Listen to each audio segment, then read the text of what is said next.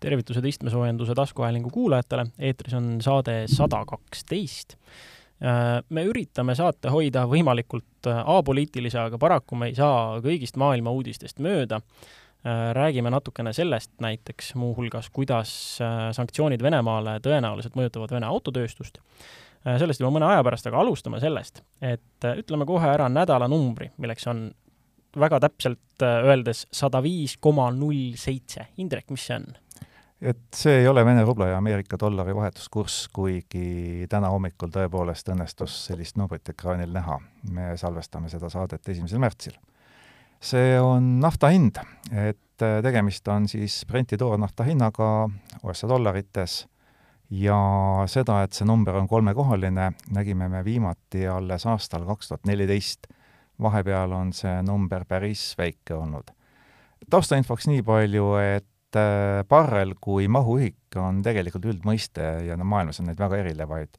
aga naftabarrel, millest äh, meie räägime, siis see on ime natukene vähem kui sada viiskümmend üheksa liitrit. aga see on toornafta ja loomulikult see on natukene odavam kui see, mis meil tanklates äh, posti otsas, mille numbreid hakkame nägema ja seetõttu ei ole ilmselt vaja imestada, miks me selle numbri välja tõime, sest seda me saame varsti oma rahakotis kõik tunda bensiinijaamu külastades. mida väga paljud tõenäoliselt varsti veel oma rahakottides tunda hakkavad saama, eriti venelased, on äh, sõja sanktsioonide mõjud. aga enne seda natuke Ukrainast Ukraina autotööstus on muidugi Venemaa omaga võrreldes tunduvalt väiksem, aga seal on selline suhteliselt mahukas õigusakt, kolmekümnendast detsembrist kaks tuhat viisteist äh, ukrainlaste jaoks väga tuntud tuhat ükssada nelikümmend seitse. ja selle sisu on see, et sellega piiratakse igasuguste kaupade importi Venemaalt Ukrainale territooriumile.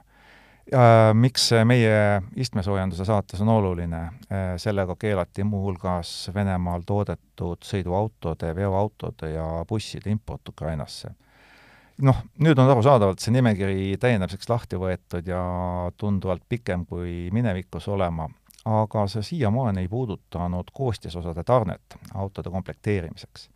et Zaporožje autotehas, mis on äh, nõukogude inimeste mälus ikka kui Zaporožetsite Muhust alustades ja kõrvadega seebikarpidega jätkates ja Taurega lõpetades, äh, tuntud siis Zaporožetseid seal enam ammu ei toodeta, aga viimasel ajal on seal pandud kokku nii Ladasid kui Renaultsid ja põhiliselt siis Lada mudeleid Largus, Vesta ja X-Ray.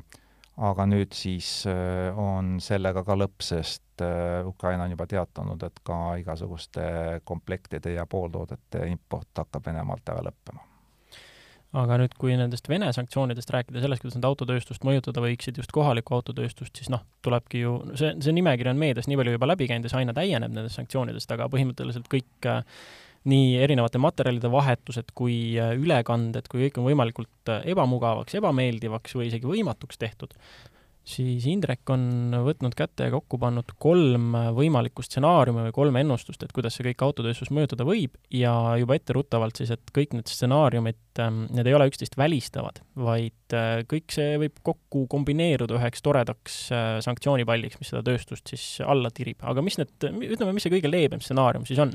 kõige leebem stsenaarium on tegelikult see, kui Venemaad hakatakse pigistama ainult äh, finantsiliste poole pealt, ehk siis praeguseks hetkeks on ju läbi käinud pankade valuutatehingute keelamine, Venemaa väärtpaberitega kauplemise keelamine, me teame, et täna, eile Moskva börs on kinni, äh, kui ka noh, suhteliselt tõsise meetmena Vene pankade lahtiühendamine SWIFTi rahvusvahelisest maksesüsteemist esimesi tulemusi me oleme näinud, rubla kurss on kukkunud oma kolmkümmend protsenti ja ega sealt midagi head ei ole loota, pigem kukub ta veel. aga see on ikkagi Vene majanduse jaoks, ma pean silmas autotööstust, väga tüütu, väga vaevaline, aga see ei tapa selles mõttes, et äh, nad saavad hakkama ja elavad üle esimene tulemus, mida see tähendab, muidugi autode hinnad tõusevad, osad automüüjad on juba Venemaal hindu tõstnud, teised peavad seda tegema, järgmised ei julge sisse osta ja osadel on probleeme sellest, et juba tellitud ja makstud autosid vaja kätte saada. et defitsiit tekib turule ja see tähendab seda, et müüginumbrid hakkavad kukkuma täiesti väga kiiresti. Aga need margid, millel Venemaal oma tootmist ei ole, need sellisel juhul ilmselt on turult sunnitud lihtsalt lahkuma. Premium-kaubamärgid jäävad muidugi alles, see tähendab seda, et mida kallim, mida luksuslikum auto, seda suurem tõenäosus tal sellises tingimuses ellu jääda on, lihtsalt Vene rikkad hakkavad oma autodest oluliselt rohkem maksma. jah, aga jällegi see, et vaestel saab raha ammu enne otsa kui rikastel, on ju. vaesed hakkavad ka rohkem maksma, ainult et nendel on valik veel väiksem, sest äh, kogu, kõik need piirangud hakkavad lööma ennekõike odavama otsa autosid. ja juba praeguseks on Lada oma hinda ju viisteist protsenti koduturul tõstnud. jah, ja ega see on alles algus, sest on teada, kus on mõned autotootjad tõstnud lausa kolmkümmend protsenti. aga nagu ma ütlen, et see on kõige kergem ja kõige lihtsam stsenaarium, et äh, tunduvalt karmim on see, mis tõenäoliselt hakkab sellele varsti lisanduma, et Venemaale hakatakse järjest rohkem piirama juurdepääsu uutele tehnoloogiatele.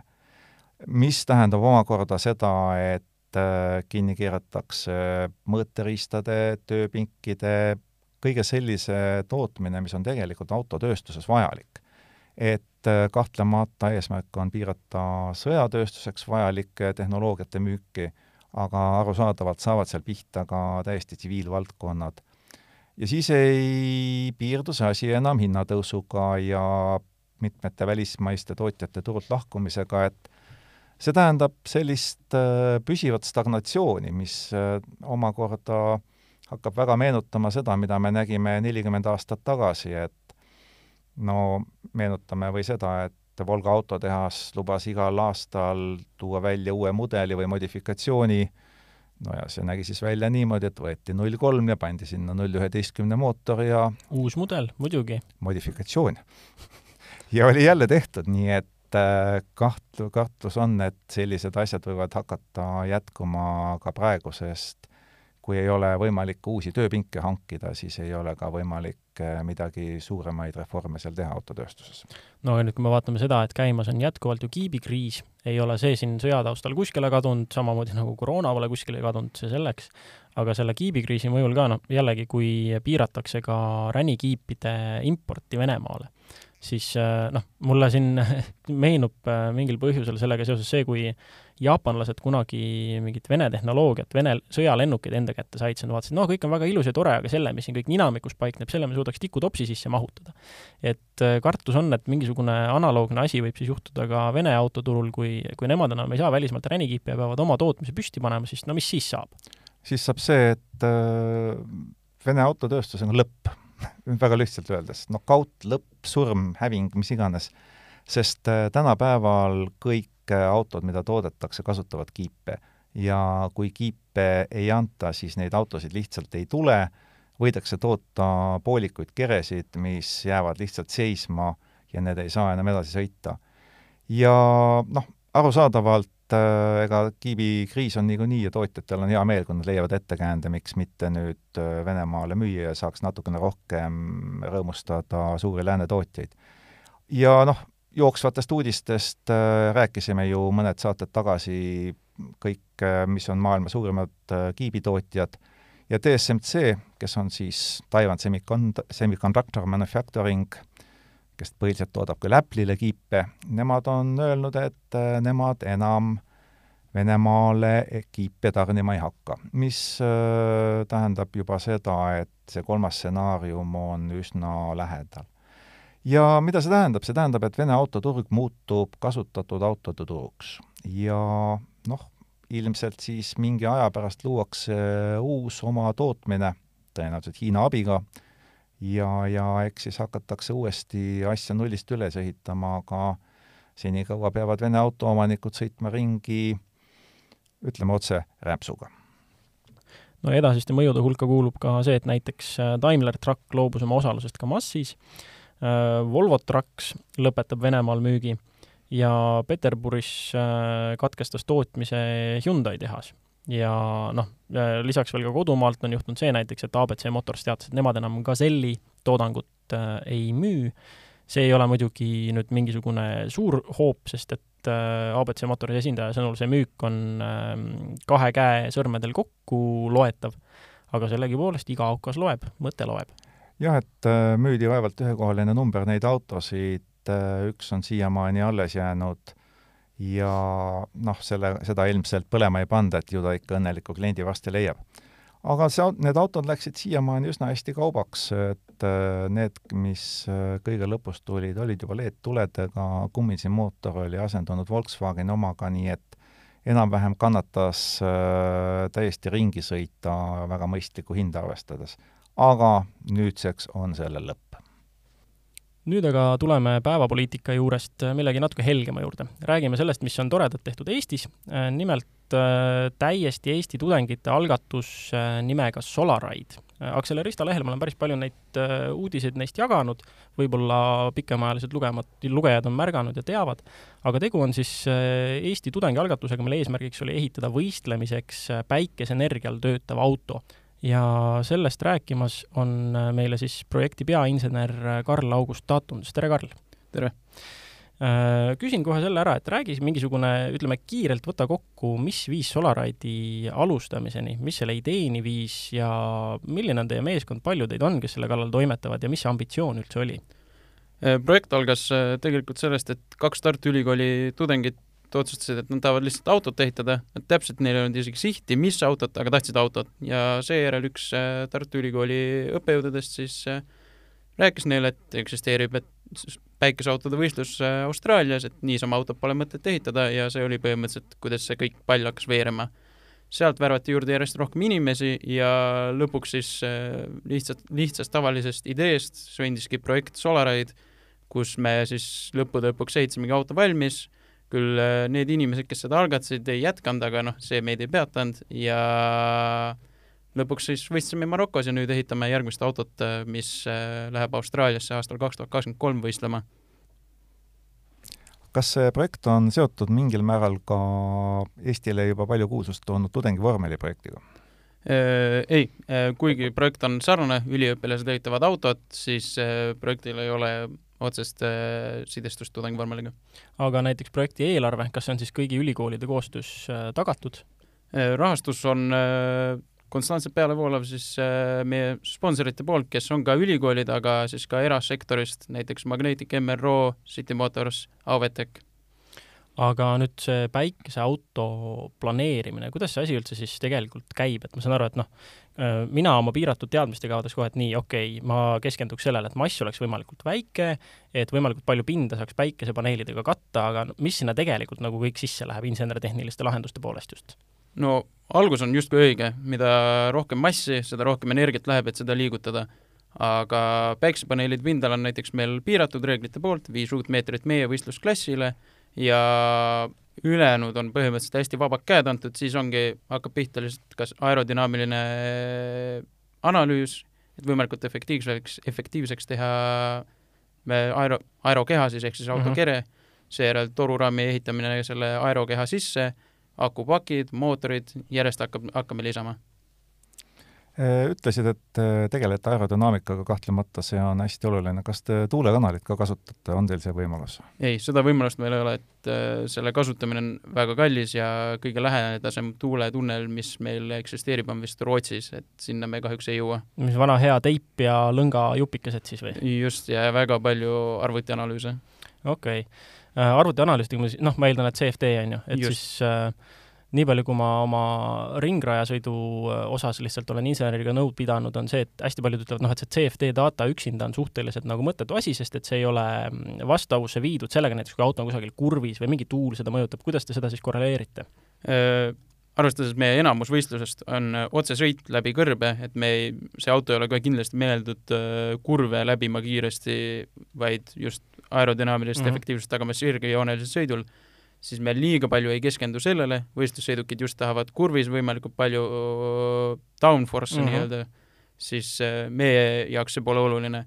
meie üritame võimalikult optimeerida seda olemasoleva dataga, et võtta ole, olemasolevad kehad, mida inimesed on tuuletunnelis analüüsinud, viia seda meie analüüsi põhja sisse mm, -hmm. võrrelda, kas data võrdub sellega, mis päriselus, ja siis kasutada seda nii-öelda reference'iks, et mm -hmm. võrrelda, kas päriselul on ka sama okei okay,, loogiline.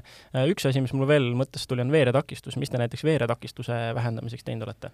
veeretakistuse, kõige, kõige suurem veeretakistus tuleb äh, autodel rehvidest ja selle jaoks annab tegelikult võistluse peasponsor ka spetsiifilised rehvid. ehk siis teil on ette antud, ma eeldan, et nii segu kui rehvi laius kui kõik profiilid, asjad või, või kuidas see siis täpselt on?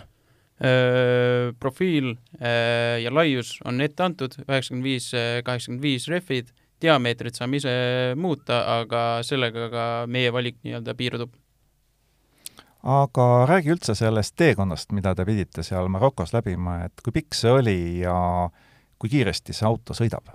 Maroko võistlus oli siis kaks tuhat viissada kilomeetrit pikk ja see toimus suures osas tegelikult Atlase mäestikus, ehk siis äh, väga vastanduv Austraalia tingimustele. kui Austraalias oli kokku viie päeva peale kaheksasada meetrit tõusu, siis meil oli mõni päev üle kahe kilomeetri tõusu. ja see kestis viie päeva vältel, kell kaheksa võisid kõik tiimid hakata sõitma ja kella viiest siis äh, hakkasid trahvipunktid kogunema ja kella kuuest pidid kõik autod tee pealt olema kadunud. aga mis see kiirus üldse sellel autol maksimaalselt on selle, vähemalt selle reisi juures?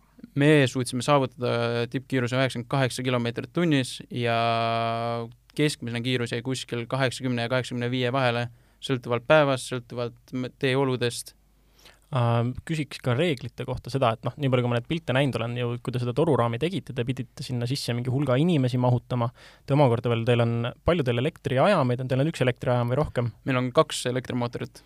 Ja akupaki suurus, kui suur see lubatud on, ma saan aru, et ta siis mingi osa te salvestate ära, on ju, te kasutate nende samade tõusude peal, palju see suurus on, palju ta lubab sõita? Äh, meil ei ole suurus piiratud, et suuruse me võime meie võistlusklassis ise valida, aga meil on piiratud kahe aku elemendi vahel või kaks suurt akupakki võivad olla mm. -hmm. meil oli kokku kolmkümmend kuus kilovatt-tundi, mis on võrdlemisi palju, aga noh, eesmärk oli selle jaoks, et kui on vihmane ilm, pilvine ilm mm, -hmm. see meid seisma siiski ei pane Äh, palju reisijaid autos äh, võib olla või pidi olema, palju auto mahutama peab? Äh, reeglid lubavad kaks kuni viis, meie olime disaininud auto neljale inimesele, aga kuna tegemist oli mäestikuga, siis mootorid olid juba väga koormatud, siis me panime kaks inimest sõitma ja mis see võistlusmass siis tal oli enamasti? Äh, kaheksasada kilo saime sellega, et rohkem akupakki, rohkem äh, turvalisuselemente, aga vähem inimesi. kolmekümne kuue kilovatt-tunni kohta tegelikult see kaheksasada kilogrammi on väga, väga hästi saadud ju. aga mis materjalist kere siis äh, koosneb? väline kest, et meil ei olnud ühte suurt kere, meil oli mm -hmm. väline kest süsinikkiust ja siis kesta sees oli Docoler kaheksa eriterasest toruraam kas siis kõik need, noh näiteks süsinikkiud, ma tean, et Eestis ka osad inimesed teevad, et kas, kas kogu see kraam, mis te ehitasite, tegite, kõik oli siis need, millega te abi vajasite, ütleme need komponendid, kas need on siis kõik Eestis tehtud, seesama süsinikkiust kere näiteks? jah, et kõik äh, kerepaneelid lamineerisime ise Magnetic MRO-s äh,, Auvetec aitas meil neid äh, vorme toota, alumiiniumist veermikud ja võõtsad siis aitas toota Inter Metalworks ja siis äh, läbi selle siis äh, me panimegi auto kokku, et ülejäänud kõik tuli läbi meie enda käte. aga nüüd võistlusest endast rääkides, kaks tuhat viissada kilomeetrit on tegelikult ikkagi meeletu distants. Äh, kuidas teil üldse, kuidas teil läks? no läks nii hästi kui ka halvasti, et meie jaoks oli see mõnes mõttes edukas, kuna me jõudsime võistlustele üks päev enne starti, kui teised tiimid olid seal kuu-kaks enne juba kohal ja testisid autosid ja õppisid tundma maastikku. aga sellegipoolest me läbisime seitsesada viiskümmend kilomeetrit ja seetõttu siis äh, loeme seda edukaks, kuigi lõppude lõpuks see mäestik oli meile saatuslik, sest äh, ülekoormuse tõttu auto, automootorid, kontrollerid sütsid põlema. ahah, niimoodi kohe, aga kuidas see, see viib selle jahutuse küsimuse juurde, et kuidas see kõik plaanitud oli autol?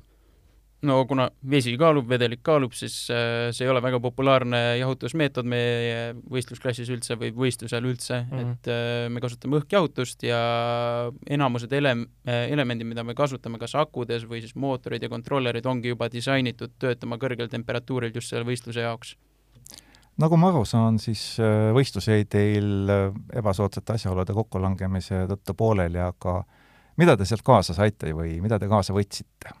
Jah, kuna võistluse pidime katkestama neljandal päeval, kuna no, leidsime lisaks põlenud mootoritele ja kontrolleritele ka raamis äh, praod, mõned keevised olid äh, lahti murdunud, siis ei pidanud seda soodsaks äh, uuesti liiklusesse minemiseks, aga sellegipoolest äh, siis äh, sa-, saime Spirit of the Event Awardi, mida antakse igal võistlusel välja, siis tiimile, kes siis äh, põhimõtteliselt pühendab kõik oma ööd ja vaba aja auto parandamiseks, et jumala eest võit-, võistlust mitte katkestada. aga nüüd kogemuste mõttes ja teadmiste mõttes, mis te kaasa võtsite, et äh, mis on need peamised muudatused, mida te järgmiseks teete, noh, ma eeldan, et üks asi on siis jahutus ja noh, et vältida põlema minekut, ütleme, mis te selle jaoks teete ja mis te üleüldiselt järgmisteks võistlusteks muudate? Äh, kindlasti me nüüd äh, ei ürita optimeerida seda disaini nii põhjalikult, et me ei hakka endale valetama, et võib-olla me saame kolme koma kuue kilovatiga hakkama, et me tõstame oma nominaalvõimsust äh, mootoritel, akupaki discharge rate'i muudame ning lisaks ka siis muudame toruraami jäikust, et üleüldiselt me muutsime lihtsalt puhtalt sihi efektiivsuselt kõigepealt esmaselt töökindlusele seejärel turvalisusele ja siis alles efektiivsusele, et äh, see tagab meile kõige paremad võimalused, et me üldse see võistluse suudame lõpetada.